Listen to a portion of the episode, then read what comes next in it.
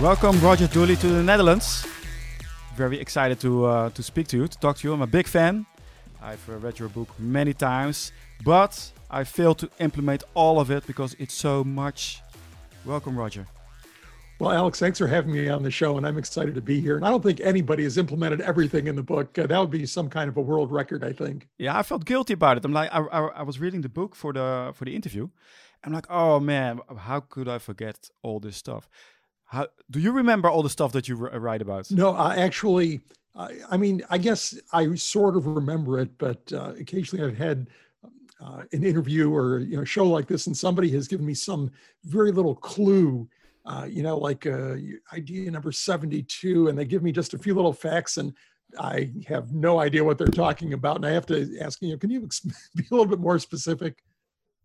Oh, got it out. I just got a Windows uh, thing, and I was afraid it's going to re- it was going to restart, but it wasn't. no, but anyway, it's a lot of information, and uh, but it's the most amazing thing about it. This is that ninety five percent of the time we're just zombies. Well, yeah, we uh, that number comes from um, Harvard uh, professor Gerald Zaltman uh, and he estimates that 95% of our decision making processes are non conscious. Now, nobody truly can assign a value to that. I mean, you have to define exactly what you're talking about and so on.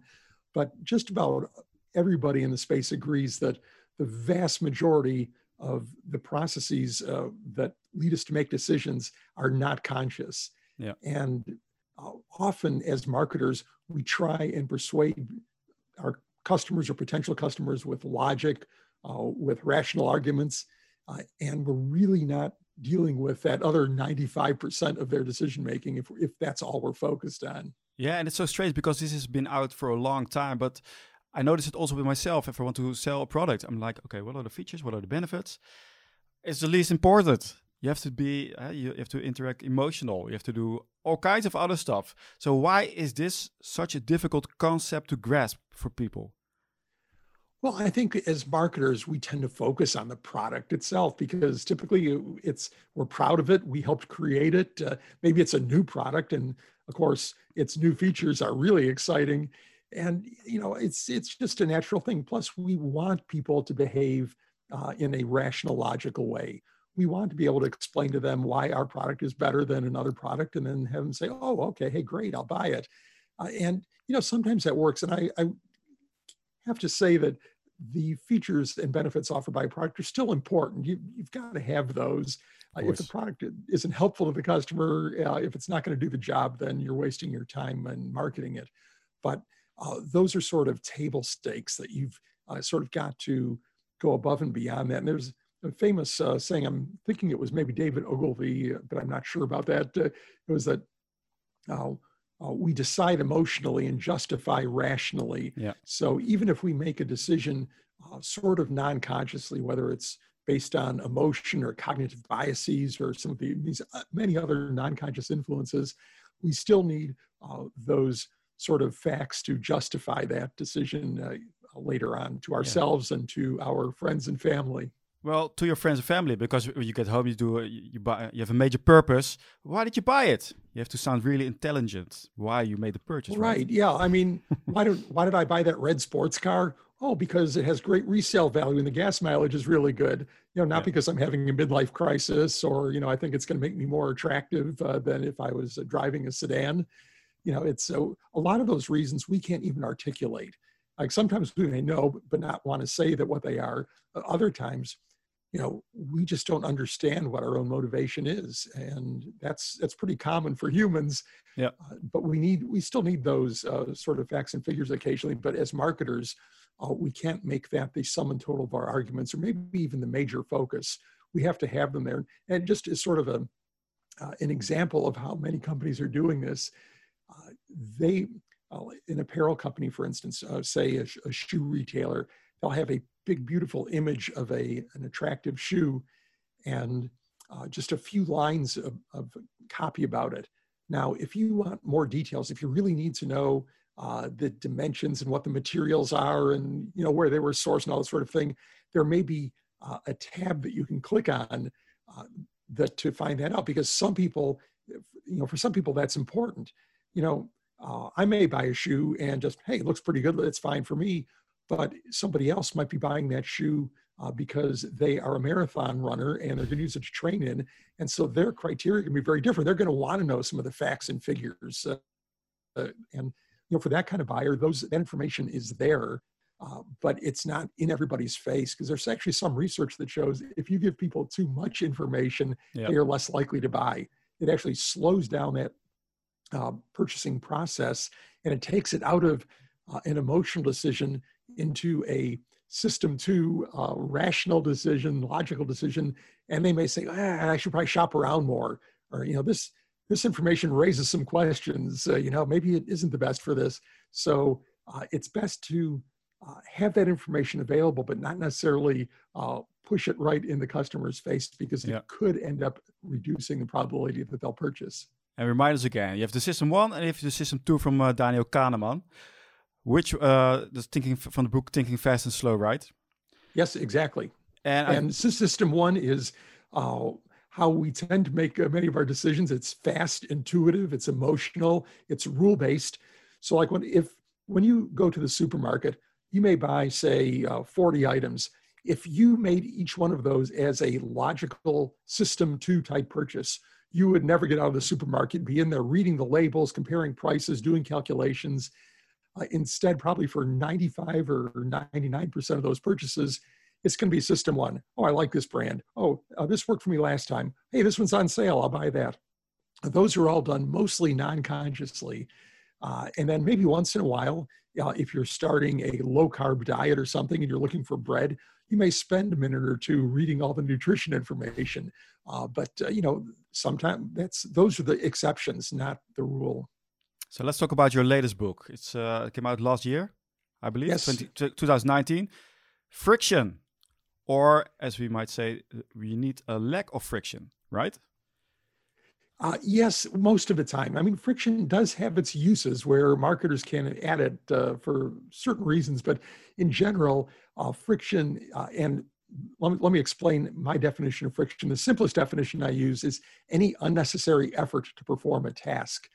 And those of our listeners who are in the conversion space, the e-commerce space, for example, uh, they know already that when you make it easier to buy, uh, more people will buy. Uh, if you have a complicated checkout process, you will have fewer customers. Uh, you know, if you have a lot of security and fraud prevention things, uh, you will get fewer orders because they will slow customers down and some will drop out. Uh, but it has impacts beyond that too there's some really interesting research from the Gartner Group, the big market research company, that showed uh, how what, what, they did. Let me explain the research. They evaluated customer service interactions with companies. So when a customer had to contact the company for some kind of a customer service interaction, support, a problem, a return, a question, something, and they found that customers who had a high effort interaction 94% of those uh, said they would likely be disloyal to the brand. And that's about 10 times as high as those customers who had a low effort experience. That's amazing. Yeah, only 4% of yeah. the high effort customers said they were going to buy again. Uh, and compared to um, about 90% of the uh, low effort customers. And word of mouth was even worse. Uh, 88% of the high effort customers said they would say bad things about the brand compared to just 1% of the low effort customers.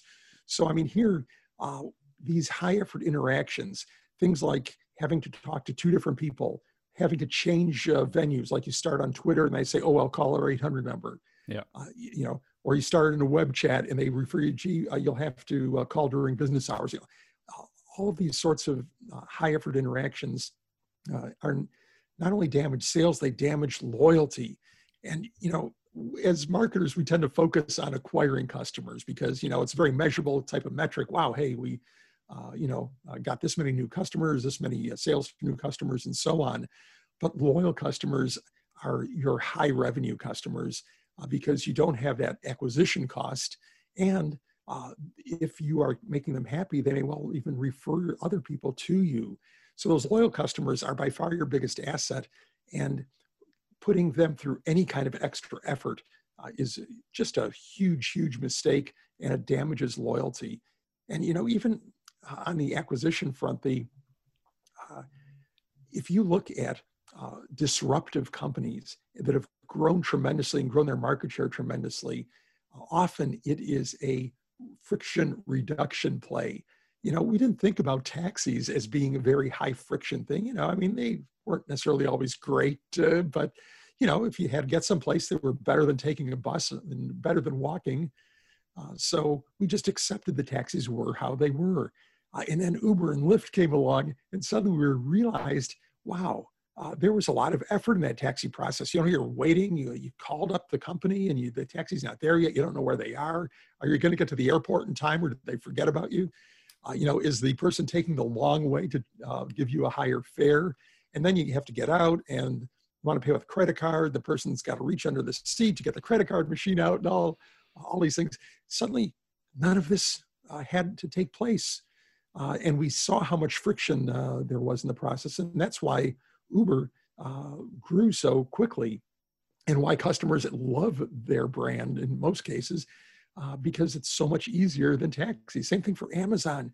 Amazon has made it so easy to buy with one click ordering that uh, you know, people tend not to shop elsewhere. And uh, Amazon, even in the face of increased competition, like everybody else has been upping their e-commerce game. I mean, Amazon got there early uh, when a lot of uh, big brands were still sort of figuring out what to do. But all those big brands now are getting pretty good at e-commerce. Walmart's pretty strong at e-commerce, for example.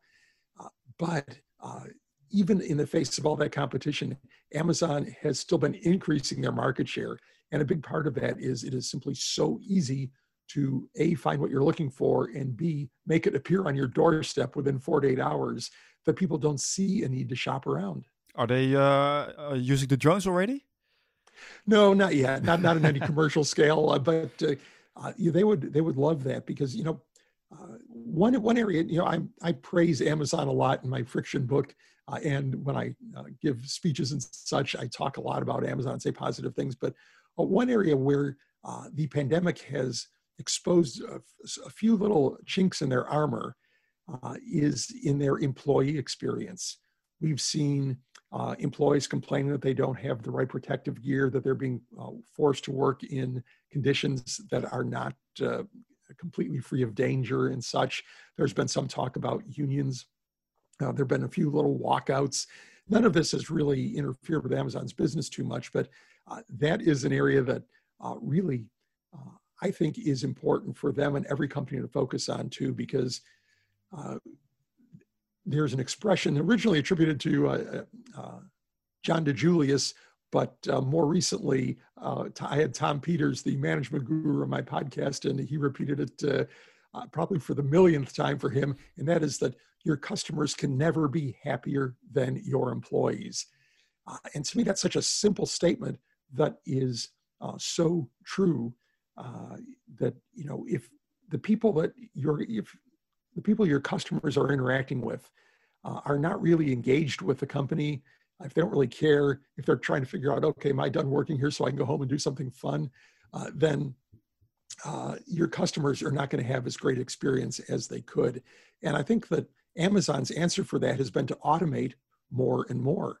Uh, you know, their warehouses are highly automated when they have drones. You know, I can picture uh, robotic truck unloading uh, putting the stuff on shelves where it's picked by robots and ends up getting dropped in somebody's doorstep by a drone, and they don't have to worry about all those messy humans in the middle, uh, so which true. is yeah. I mean, it's it's okay, but uh, you know, we're not at the point yet where any company like Amazon has a million humans working for it, so they're nowhere nowhere near uh, being an all robotic company. No, but you also talk uh, in the book about uh, needless paperwork uh, for your employees. You know that demotivates them. Oh yeah, well that's so that's, that's, part of that. So that's showing that yeah. you trust. You know, I think trust, uh, Alex, is something that is overlooked oftentimes, and it works both ways. It works with customer trust and it works with employee trust. Uh, and often we have really bad procedures for our employees because we don't trust them either to do the job right. So we have all kinds of checks and balances and procedures and rules to make sure they do it the way we want them to, or because we don't trust them. Uh, even uh, things like expense reporting. Just about every company has an expense reporting process. So if an employee goes uh, on a trip for the company, then they turn in their expenses. Yeah. And you know they can make that really easy, or they can have really difficult paperwork requirements because they don't trust the people to do it honestly. Like make them uh, get a piece of paper for uh, every single little tiny uh, one euro, two euro cup of coffee or whatever. you know that uh, and that's telling the employee two things. First of all, the company is not placing a high value on my time because I've got to mess around with all these uh, little pieces of paper and add them up and uh, maybe uh, take True. pictures of my mobile phone or um, scan them on a scanner. Uh, and it also says, well, they don't trust me.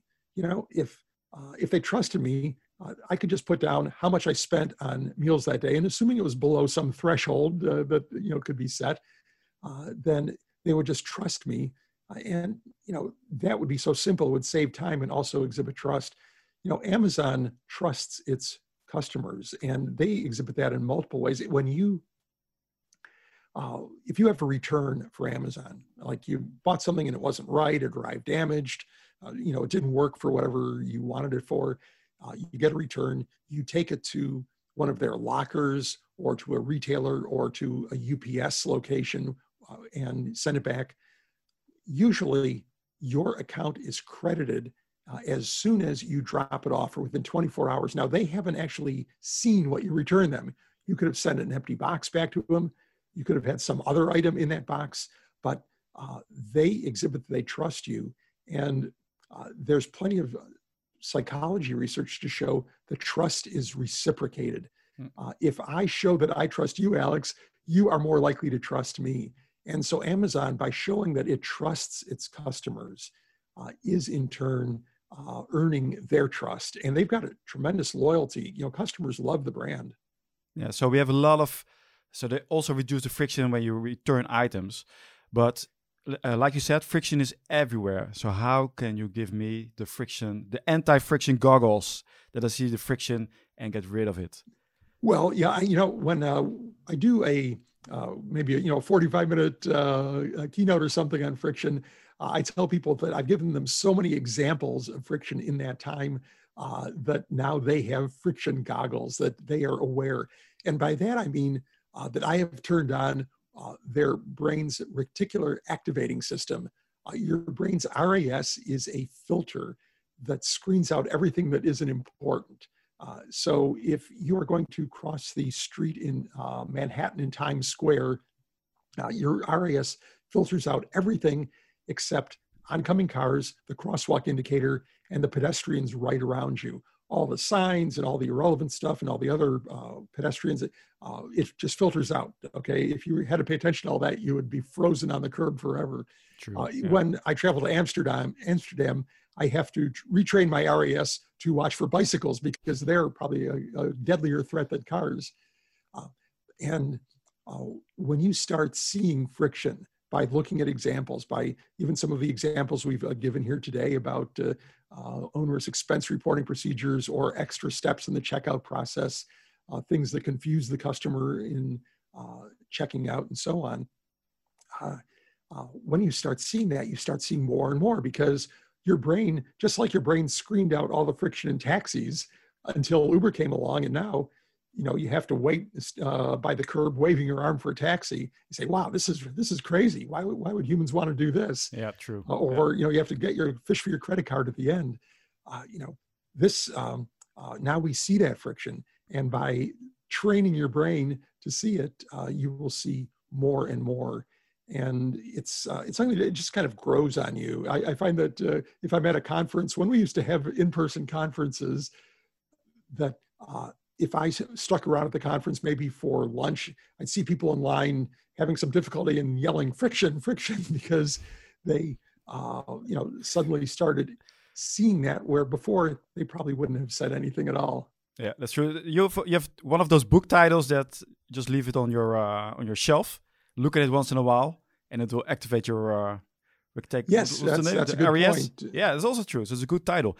And also, you talk about uh, it's, it's a small side note about sensory, uh, applying sensory to your book cover to uh, to make it even more frictionless, right?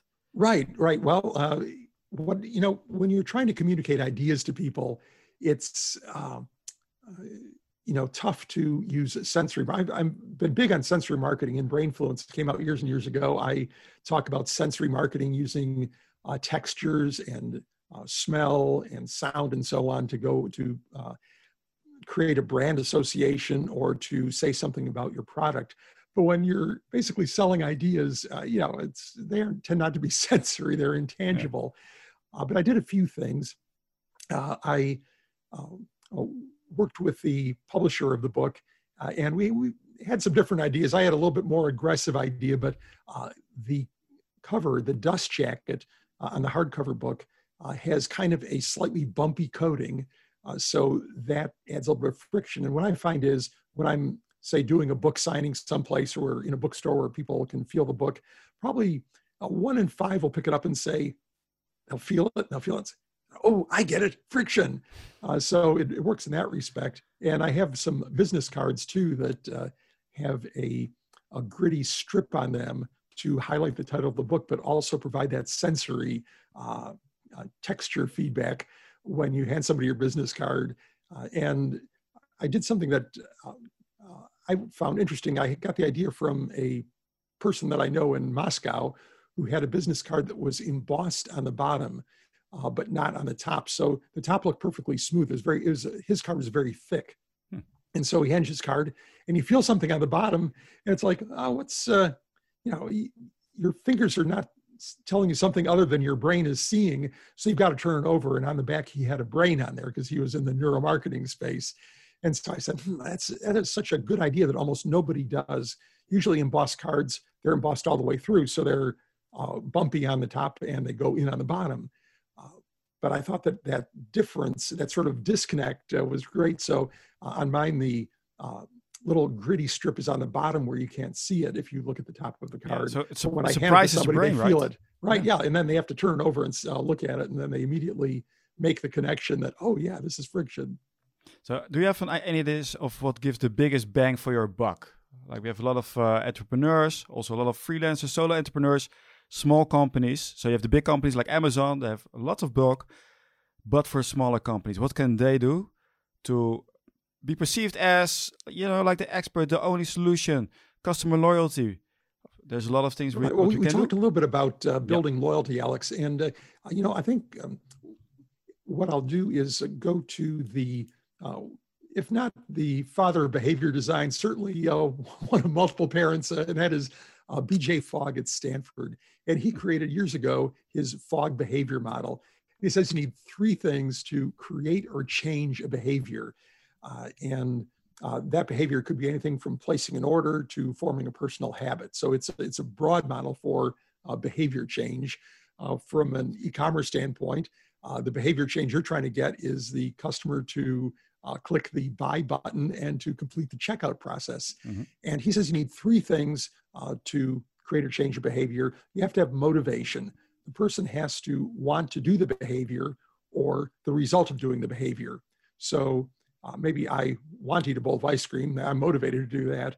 Uh, I don't necessarily want to exercise, but I want the result of exercising. So maybe I'll, I'm motivated enough to exercise uh, there's got to be a trigger or a prompt, and that can be anything. It could be an email, a visible call to action on a page, a big buy now button, uh, uh an in-person sales call, anything could be a trigger or a prompt. Uh, and then finally, uh, there has to be ability, and that translates into lack of difficulty, lack of effort. Uh, if there is more difficulty, ability is lower. And uh, he has a, it's more of a thought graph than a, a quantitative numerical graph that if uh, motivation uh, and ability uh, are in the right ratio and depending on how powerful the nudge is, the trigger is, uh, you'll get the behavior or you won't.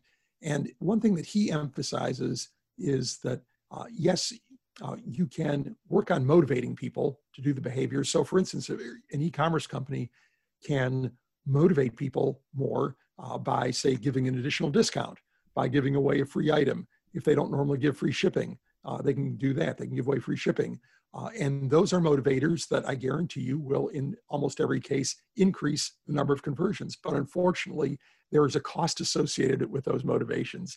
Now, there are non conscious motivators uh, things like the, many of the things that I write about in Brainfluence. If you go to a travel booking site, you will see scarcity cues like there's only two seats left at this price, uh, or social proof.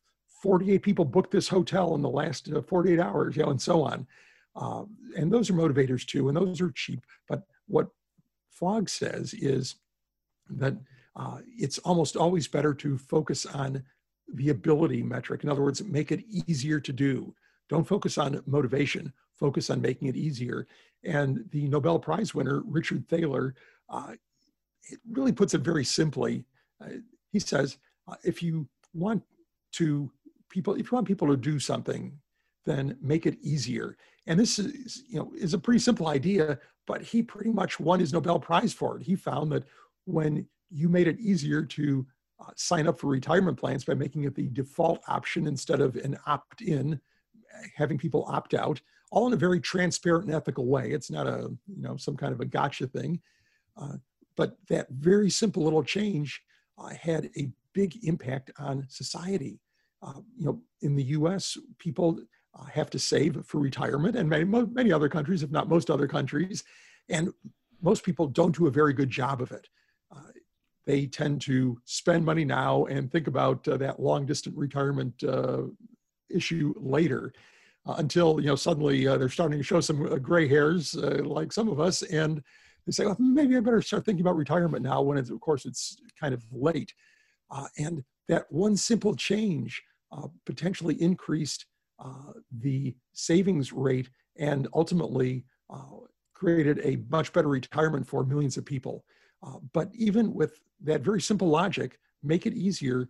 There's so many businesses that do not internalize that, and that's that's one thing that really led me to write friction. That you know people think, oh, everybody knows about that. You know, it's it's like, oh, that's old news. Well, it would be old news if there wasn't still so much friction everywhere.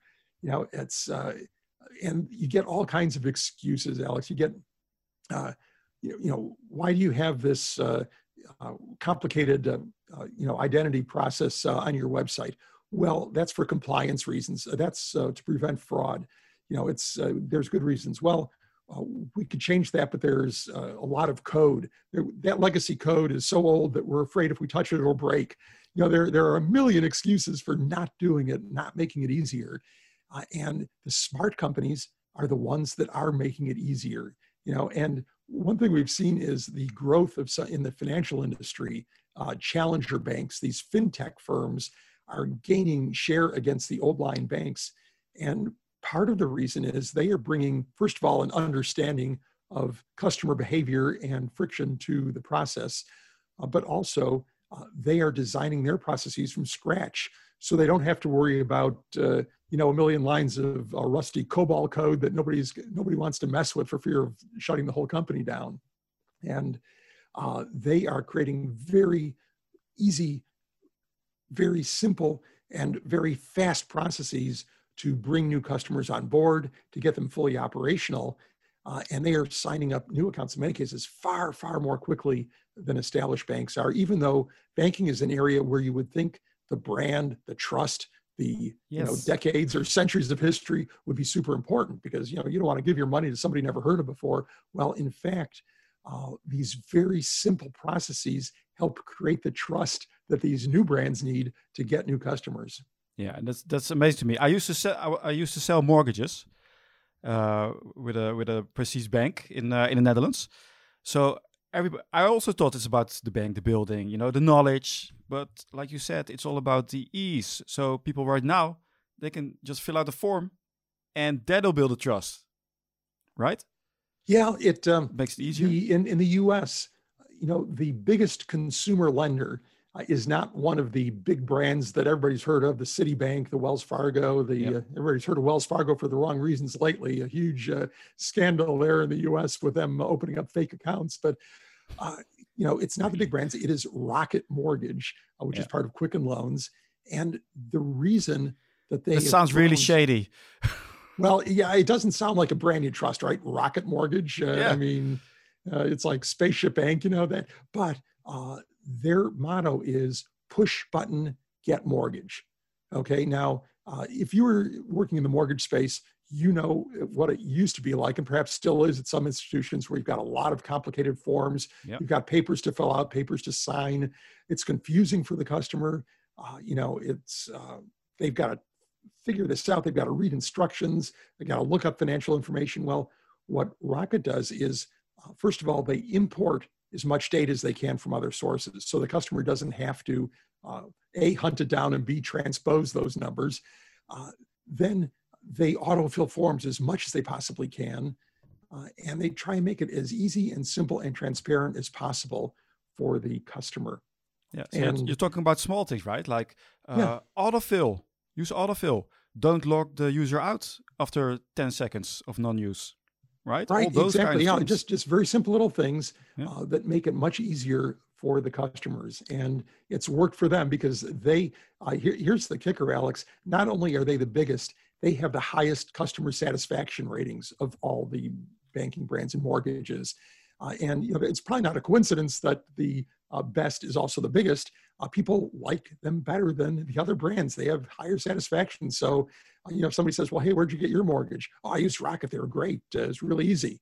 You know, and, and easy is not a word that one associates with mortgages. I know I've done a few over the years myself, Yeah, and yeah. Uh, uh, you know, easy is not really a concept that goes with that. opposite of easy. So the mortgage lender is in the way, is the obstacle between the customer and the and the house they want, right? Yeah, exactly. So remove yourself as an obstacle. So that that perfect that makes sense. Yeah.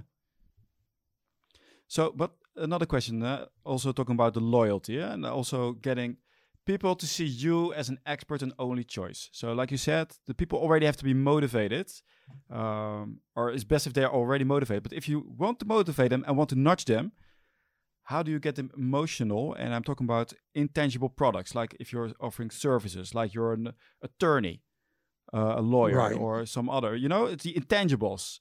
It's right. difficult. Well, how do I mean, that? there there's a million ways you can do that. I think that uh, some of the more obvious ones go back to uh, Robert Cialdini, the father of persuasion science and uh, author of the uh, huge, huge bestseller over uh, 30 plus years, Influence.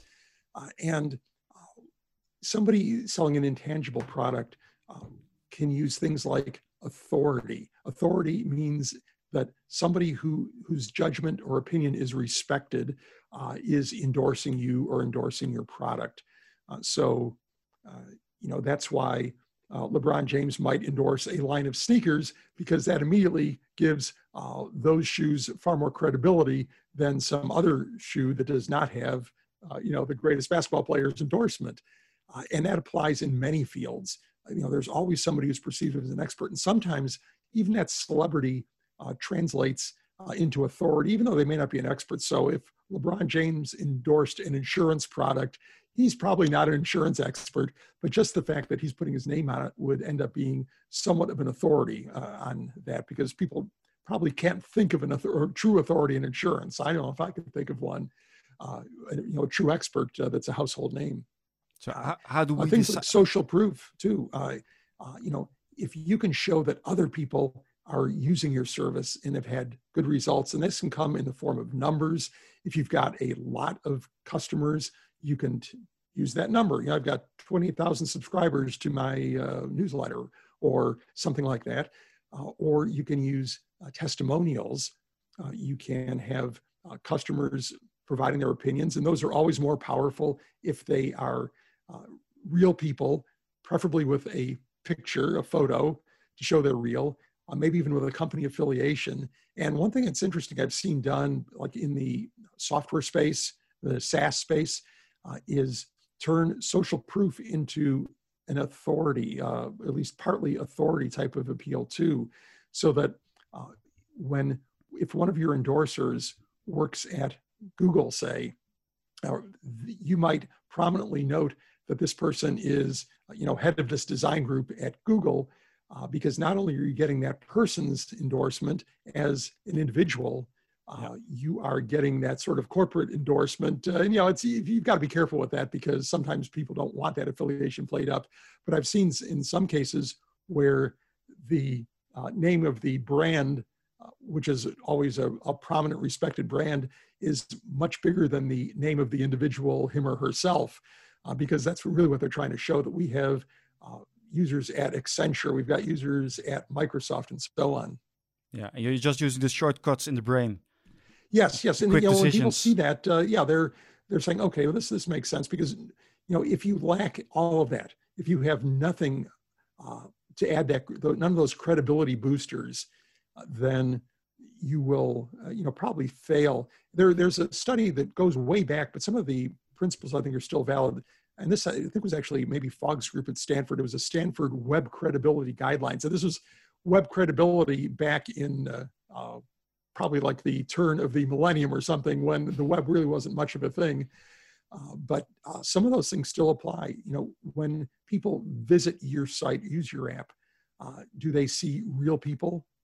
Uh, or do they see cheesy stock photos that look like stock photos of, you know, multicultural group or something, all smiling? do they, can they find an address? You know, can they see where you are? Or are you, you know, maybe out, out in space somewhere, operating out of a garage, who knows? Uh, you know, uh, and there are a bunch of these little cues. Now, those have evolved over time because people have gotten more sophisticated in terms of their, uh, you know, shopping behavior, their web behavior, understanding of how to evaluate uh, sites, and so on. Uh, but I think that a quick review of those is still in order, just to be sure that you sort of check off those boxes. Because for some people, I will often take a look to see if I can find if, if I've never heard of a company, I'll look for the About Us page uh, I want to see who the humans are behind it. I want to see where they're located, uh, you know, what city they're in, if they have a street address and so on. Uh, and when I, it's not like what's there is that critical, like, oh, they're in city X versus city Y. But when none of that information is visible, then I start to wonder, okay, you know, is, is this place for real or not? Yeah, and also another point is about uh, withholding information. You know, for the the infamous opt-in, the opt-in form after you give me your email address, then I'll give you all of, of a big, great deal of my knowledge. But you also have some uh, new data on that, and that surprised me.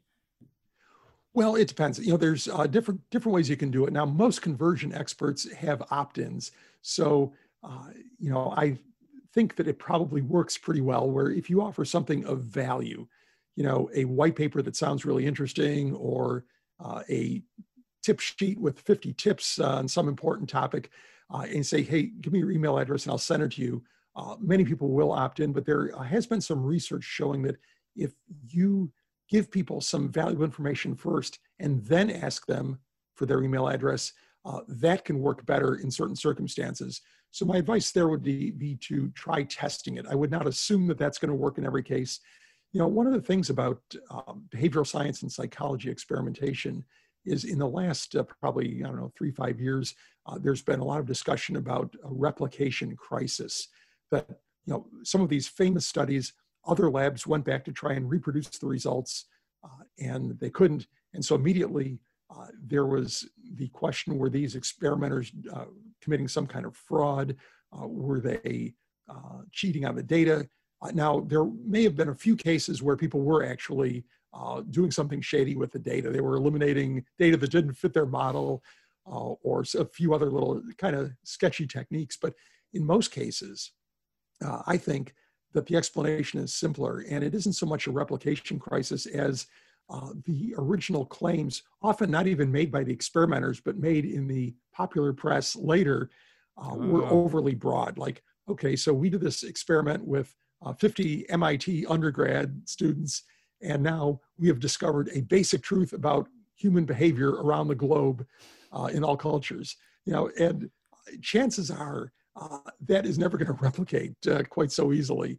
Yeah. Uh, you know, if you try it with a totally different population of people, of uh, senior citizens uh, in Amsterdam, you may end up with a very, very different result.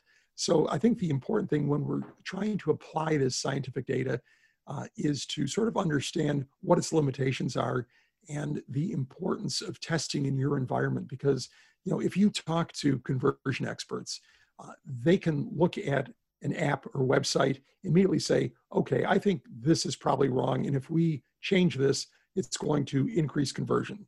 Uh, you know, the buy button is misplaced, it's a bad color, it doesn't look clickable, or you know, whatever the case might be.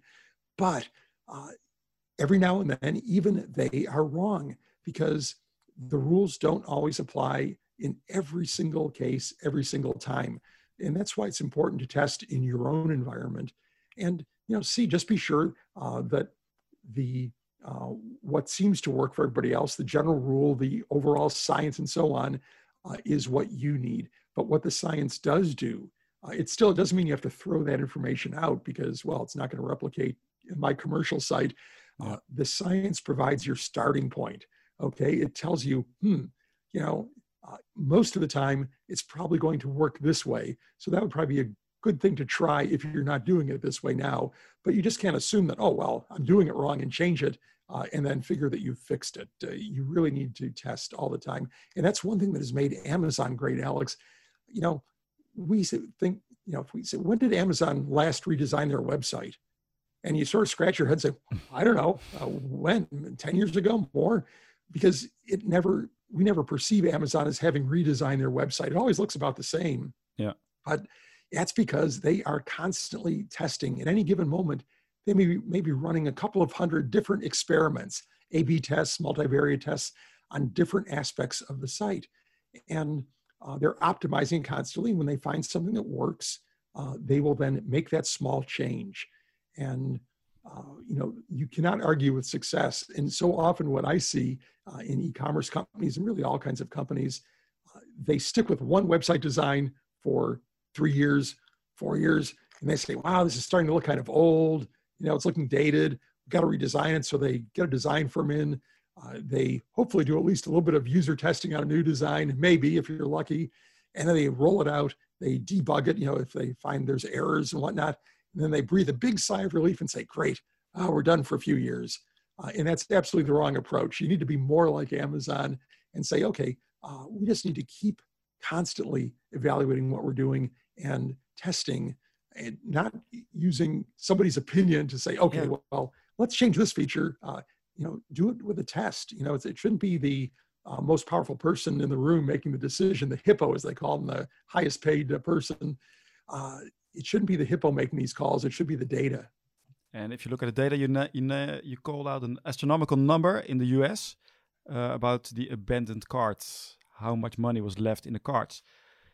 I think it was about four billion, something like that.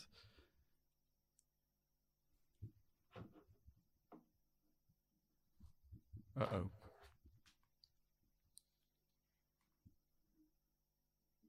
Roger, are you here?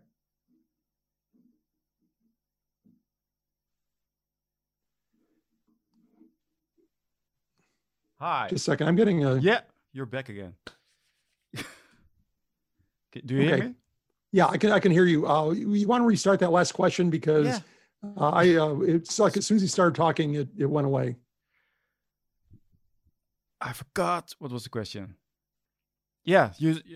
Yeah, Roger, you talked about an uh, to put things into perspective, an astronomical amount of money that's left in the cards.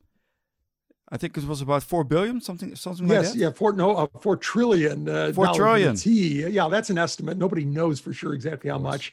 And that was a few years ago, but uh, it's a huge, huge number. And the more important thing, Alex, is when uh, another group went back to ask customers why they left stuff in shopping carts. They did a sur- pretty big survey of customers who abandoned stuff. Mm-hmm. Most of the reasons were frictional in nature. The checkout process was too complicated. That they had to set up an account with the company before they could complete the order. Uh, that they were confused by some part of the process, and so on. Uh, you know, so uh, if you could eliminate all of that friction, uh, pretty much the way Amazon has done, uh, then uh, you know you you would have way fewer abandoned carts. In fact, when people use one-click ordering in Amazon, there is no abandoned cart problem because there's no shopping cart. Uh, the order goes straight from the person's brain to their finger, yeah. right to the fulfillment system. Uh, and that's that's what everybody should strive for. Yeah, but I, I so, can't. I have to pay. I have to pay them a million dollars first. Well, not anymore. it's uh, it's uh, you can use one-click ordering, and so can everybody else. Uh, their patent oh. expired, but you know that's that's an important point, Alex.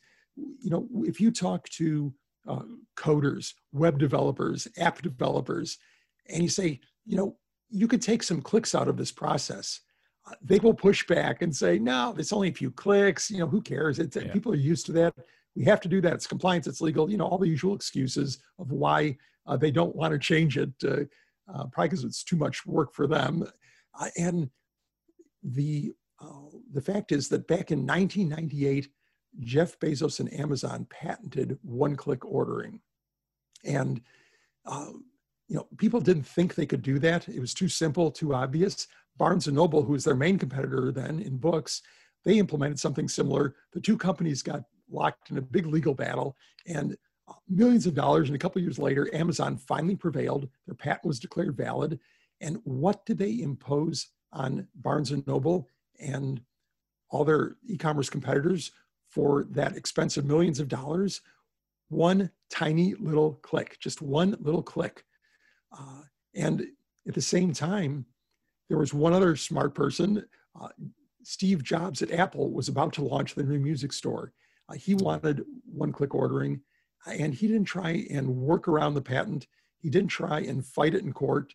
Instead, he just paid Amazon a million dollars so that Apple could have that one tiny little click benefit. So when somebody says uh, it's really not worth it to eliminate those few extra clicks, you know, I just say, well, okay, you must be smarter than both Steve Jobs and Jeff Bezos. So, Roger, do you have any examples where it's uh, better to use more friction? Like if people can't buy something, you know, well, like sure. scarcity I, principle. Sure, you know, and there, there's a few places. Uh, in sometimes luxury goods are that way. If you have to work hard to make yeah. a purchase, uh, you value that more. And so, if you are a luxury goods seller, uh, maybe you don't want one-click ordering, uh, you know, for your uh, on Lamborghini.com or something. Oh, that's yeah. a pretty cool idea.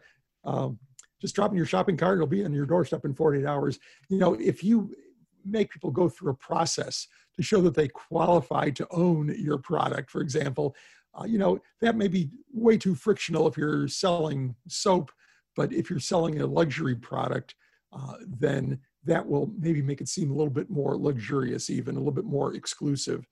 Uh, so that's one example. Uh, another example is in lead generation.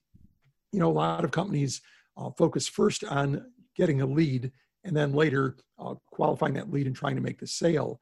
Uh, if you are getting too many leads and spending too much time and effort in qualifying those leads and not really getting that many sales, uh, sometimes adding friction to the lead gen process uh, can help. First of all, you can ask for more information. You can add some fields to that form, and uh, that will not only give you more information that will help qualify the lead, it may eliminate a few of the not too serious leads. So that's that's an example. Uh, and one really interesting example comes from a friend of mine right here in Austin, Brian Massey of uh, Conversion Science. Is uh, they did had a customer, a client of theirs, who was using lead gen. I forget what their product was, but they were generating leads on their website. And they had both an 800 number and a web form. And after a period of time, they found that they could convert the phone leads at a much higher rate than the web leads. The web leads just weren't working out that well for them. So uh, they went to Brian and said, okay, Brian, we want more phone leads. Uh, uh, the web leads aren't really that great. So uh, they ran a test and uh, basically took the web form out so that people only had the option of using the phone. And what they found surprised them. Uh, sure, it eliminated the web leads, uh, but they did not expect what happened. It was that they got fewer phone leads. Even though logically, you would have expected at least all the phone people to convert as before, plus maybe a few of the web people would say, oh, there's only a phone number and do that. It actually reduced the number of leads um, uh, for the number, for the amount of traffic. So then they tried a, another approach they used a big ugly form. Uh, uh, and that was, they offered people the option of the easy, convenient 800 number, the toll free number, or uh, a really long, complicated web form that they could fill out. And they prefaced it with, you know, uh, we'd like to help you uh, for fastest service, uh, use the toll free phone. but if you prefer, please complete this form and we will get back to you at our earliest convenience. Uh, so what they found then was that nobody filled out the big ugly web form because that was just too high friction, but uh, the number of phone leads went up over both of the previous conditions. So it actually increased the total number of phone leads. Uh, and that was probably because of the friction contrast. You had this form that looked really complicated compared to this really easy eight this toll free number, and people use the toll free number. Uh, so uh, that's that's another example of where uh, you know adding a little bit of friction, at least in one of the options, ended up working out well. So I mean, there there are examples that, that you can find that exist. I think I'll try this with my children. You have a very hard option and the easy option. Oh yeah, well yeah, that's the old. Uh, you want to do this the hard way or the easy way? exactly, illusion of choice. Or the hard way is always very painful. Yeah, I'm gonna use it more. Like, um, question for you. Of course, we can buy your books at Amazon because they're uh, pushing your books at the number one. I uh, imagine after all these uh, this endorsement from you. Yes, probably at uh, it's very uh, smart. Bol.com, uh, Bol.nl too, right? Uh, You're a fan of the Netherlands. I love it. Yes, yes. Uh, so you you come here uh, often, right? Or uh, not not that often, but not I get there occasionally for uh, speeches and such and conferences. So yeah. uh, it's a very very nice country to visit. Uh, so, and yeah, I learned about Bol when I uh, wanted to get somebody a copy of uh, Friction really quickly. Amazon, oddly enough, was not a quick solution in that market, and so I said, okay, who's the best bookseller in the Netherlands? And I found Bol. Great. So we can buy your books at indeed Bol.com, but also Amazon.nl has arrived. So yeah. What other sources do you have for uh, all the people who want to do much more with this information? Okay, well, I, I really enjoy connecting with people, and I'm easiest to find at rogerdooley.com. That's my starting off point. I also blog at neurosciencemarketing.com and Forbes, uh, and I'm uh, on most of the social media channels, probably most often on Twitter, where I am at Roger Dooley, and I am on LinkedIn, where I am strangely enough Roger Dooley. So are pretty easy to find. And I do enjoy connecting with people and interacting with them and uh, hearing what is on their mind.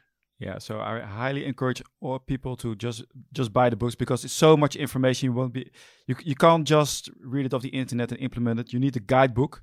of uh, the Brainfluence run right here. 100 ways to uh, influence the mind to persuade and convince consumers. So, but it's so much information, you, you won't grasp it. You have to have this uh, near you. So I enjoyed this conversation very much. I love how you uh, you you knew about the Netherlands. You knew about uh, Texel. So yes, that's how we connected. Yes, lovely island. Yeah, I, I, was there a little bit out of season. Unfortunately, it'd be fun to go there in the summer. I was there in the fall. It was already a little bit chilly. It was nice though.